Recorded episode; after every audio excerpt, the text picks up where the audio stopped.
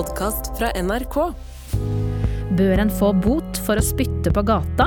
Vi skal prate om lover, regler og folkeskikk. Etikketaten er plassen hvor vi diskuterer hva som er rett og hva som er gale. Bergen har i mange år hatt en egen regel som sier at spytter du på gata, da får du bot. Men eh, det får du ikke hvis du spytter i Trondheim, i Oslo eller de fleste andre plasser i landet. Bør vi ha lovfesta regler for hva som ikke skal gjøres på offentlige plasser? Jeg heter Kjersti Anderdal Bakken, og med meg er filosof Heine Alexander Holmen, programlederkollega Are Sende Osen og fysiker Inga Strumke. Heine, jeg starter med det. Hvilken side i etikkhåndboka blar du på når du skal finne ut om spytt på gata? Nei, det, det, det, det fins ikke. Da må du da må du destillere et eller annet politisk teori ned på et sånt spytte på gata-nivå. Ja. Men det fins gode diskusjoner om forholdet mellom individuell etikk og på en måte de kollektive, den kollektive etikken eller det kollektive lovverket. Der kan du lese klassikere fra alle de politiske filosofene, fra Hobbes til Lock til eh, Adam Smith osv. De, de jobber jo med den tematikken der, hvor han går fra individuell frihet til å bli et samfunn som faktisk har et lovverk og et fellesskap som fungerer eh, i lag. Da. Og det er, jo, det er jo der vi er nå. Hva er ulempene ved at eh, det blir for detaljstyrt da, i lovverket? Ja, det er det de, de kloke politiske tenkerne De har jo advart mot det.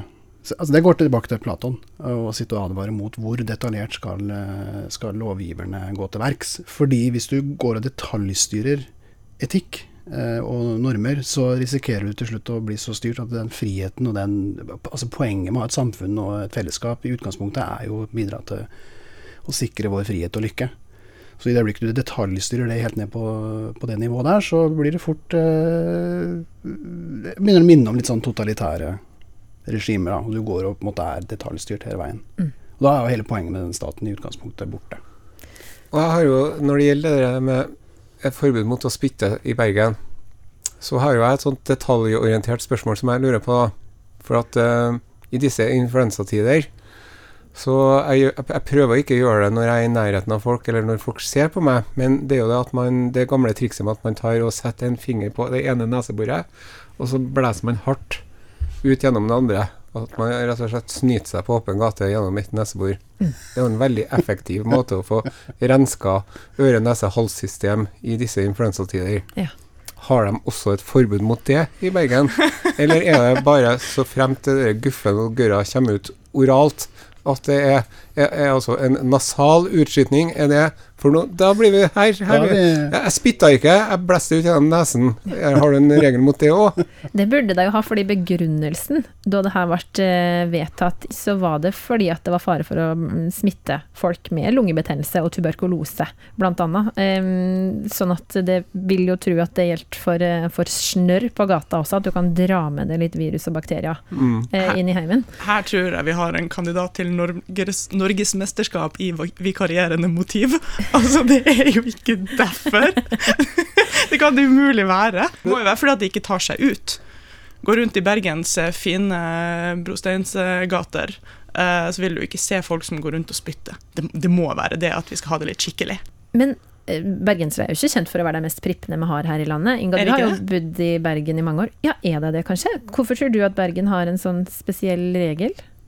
Altså, jeg tenker, jeg bodde syv år i Bergen, og jeg likte det. Det er den mest pippende plassen jeg har bodd. Og jeg har bodd i Tyskland, rundt omkring i Norge og i Spania. Altså, det, det, det er det. Altså, jeg ser for meg at de har sittet der og så bare Nei, sånn kan vi ikke ha det. Vi kan ikke ha folk som spytter på gaten.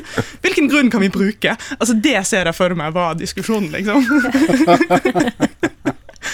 Men syns du, syns du det er ekkelt sjøl, hvis folk spytter på gata, eller er det helt ja, jeg syns det, og det som er så rart, at jeg syns sånn snyting gjennom et nesebor helt greit. Like, altså like greit å bare gjøre det rett ut. Ikke, ikke gidd å bruke papir og lage mer søppel enn du trenger. Men spytting på gata syns jeg bare er vulgært. Altså Det syns jeg det vil jeg ha meg frabedt. du som er sånn Du sykler jo hele året. Ja, ja, Flugge i munnen. Fristende å spytte den ut, da. Altså, Spytte ut flue skal du få lov til, men Ja, tenk det er sånn ja. spytte for å liksom bygge sitt image som en person som ikke bryr seg, det syns jeg vi kan droppe. Men, men, men det her synes jeg, er, jeg synes denne diskusjonen er så utrolig artig, for en av mine favoritthobbyer det er jo å gå fra sak til prinsipp. Altså si, Her har vi en eller annen konkret sak, men hva er faktisk de underliggende spørsmålene her? Det som er så morsomt, er at på saknivå her så har jeg motsatt mening fra på prinsippnivå. For på saknivå så mener jeg at det burde være forbudt å spytte. Det er ekkelt. Vi ikke ha noe samfunn der folk går rundt og spytter. Men på prinsippnivå så vil jeg jo heller ikke at staten skal detaljstyre hvor vi har lov å spytte og når. Så jeg, er helt uenig med meg sjøl på de to nivåene. Det, det kiler jo litt. Du vil ha veloppdratte folk som skjønner det her av seg sjøl? Ja, men jeg vil ikke at staten skal oppdra oss. Så her sliter jeg filosofisk. Men Bergensavisa har leita gjennom arkivet sitt og har ikke funnet noe eksempel på at politiet faktisk har håndhevd det her, denne regelen. Det har ikke blitt gitt ut noen bot, Nei, det er mener de. Ja. Men hvorfor trenger vi sånne sovende paragrafer egentlig, Heine? Nei, altså hvorfor du trenger dem? Trenger vi dem? Det er jo det Ja, kanskje vi ikke trenger det? Noe, ja, men noen ting Det er jo spørs, eh, Hva er funksjonen til lovverket? Det, det får du like mange svar som det sannsynligvis finnes eh, ulike kategorier av regler og lovverk. Så det, noe av det er jo litt for den oppdragende virksomheten. Det skal være der bare for å på en måte gi oss en rettesnor, selv om det ikke blir fulgt opp. Et eksempel som jeg har hørt politiet si eksplisitt, er at de står ikke og bøtelegger folk for at de blinker feil i rundkjøringa, eller legger seg i feil fil, f.eks. Med mindre det faktisk er en reell fare for Så det, det kunne de gjort, for det, det skjer feil. De kunne bare stilt seg opp med en helst rundkjøring, og de kunne hovet inn hele julebordet på bøtelagt folk på at de kjørte feil eller blinket feil. Det ligger jo en regel der som kunne gitt dem en hjemmel for bøtelegging men det gjør det ikke. Så det er en slags sovende. Men samtidig må være der, for hvis ikke så vil vi alle kjøre helt anarkistisk inn i en rundkjøring. Så der er det en sånn sovende paragraf, da. Så det kan være en funksjon sånn sett. Jeg er litt usikker på om den spytteklausulen har en sånn type funksjon, fordi som eh, det har blitt sagt her, tuberkulose er ikke det jeg går og bekymrer meg mest for eh, på gateplan. Da, da skal du liksom helt ned i asfalten for å få det der. Ja. Men den her eh, tuberkulosen er jo litt fjern for oss, men korona er jo ikke så langt unna. Du har også nevnt influensatider, tidligere, Are, sånn at vi trenger ikke drasse med oss mer virus inn i heimen enn enn nødvendig. Men hvis det da står et skilt på en vegg, her er det ikke lov å spytte, hvordan forholdt du deg til det skiltet da? For du Farmora mi hadde jo alltid et lommetørkle oppi ermet. Å, æsj. Mm. Det hadde min bestefar også. Mm. Oh. Og, det, og, og jeg husker, husker når jeg var, var liten Hvis jeg hadde Når jeg var liten gutt Hvis jeg hadde spist eh, La oss si at jeg hadde spist en krembolle, da, og så hadde jeg litt sånn sjokoladesøl i munnvika og sånn.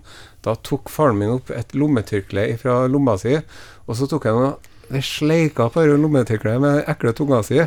Til det ble ordentlig godt og bløtt, og så gnei han meg i munnviken med det her. Og det syns jeg var så utrolig heslig. Og jeg sto og brakk meg nesten, for jeg syntes det var så ekkelt. Kanskje har du fått bedre immunforsvar av det? Det kan være. Ja. Men lommetørkle er ikke så dumt. Jeg tenker eh, alltid når jeg er i begravelse, tenker jeg ok, nå må jeg ha med meg lommetørkle, for det blir alltid så trist. Og plutselig så trenger man det virkelig. Men ellers så Jeg tror at hvis man hadde sett på en kurve over salg av lommetørklær de siste 100 årene, så tror jeg at den kurven har vært synkende, altså. Mhm. Men eh, Heine, du har et bra eksempel på eh, det her med at eh, lovene blir veldig stramme. Det blir en tvangstrøye rundt oss. Og så når den tvangstrøya forsvinner, så skjer det noe spennende ved samfunnet. For det her skjedde i Spania på 1900-tallet. Ja, da Altså, det Spania som kjent var jo et diktatur eh, lenge etter krigen. Altså, de holdt jo på en måte gående sin fascisme eh, langt ut på 70-tallet, med Franco som var diktator, innsatt bl.a. av Hitler og Mussolini. Eller ved hjelp av dem. Uh, og og det, det, det var ganske strengt land å leve i, da. Og da jeg har møtt spanjoler som, ikke dem direkte, men deres foreldre, de sa type ting som uh, Altså, det spiller ingen rolle om jeg bryter en regel her nå, altså om jeg røyker på feil plass, for jeg, jeg dør jo ikke av det. Implisitt, det gjorde du jo da du bodde i, i, i Frankos Spania. Så det er på en måte det å forholde seg til lovverk. Det er jo litt forskjellig fra kultur til kultur. Noen steder så er man litt sånn nonsjalant i forhold til lovverk. Og nordmenn er jo ekstremt gode på å følge lovverk. Det så vi under pandemien. Vi, vi trommet sammen i flokk. Vi er så normstyrte og glad i å liksom Og vi har stor tillit til staten. Og det varierer jo fra kultur til kultur. Mm.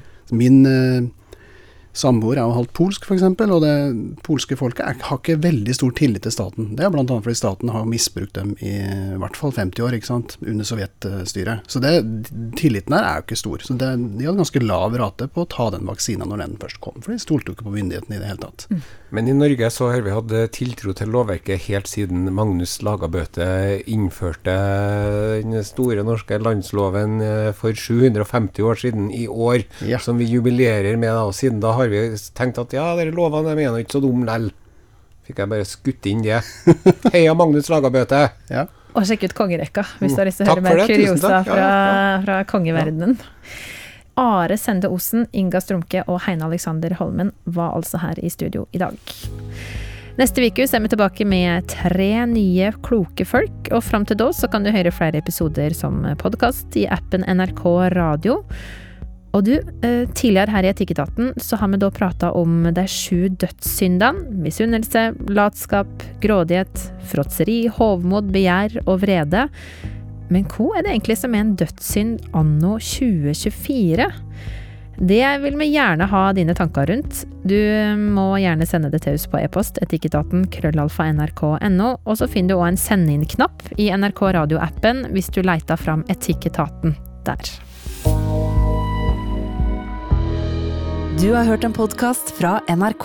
Hør flere podkaster og din NRK-kanal i appen NRK Radio.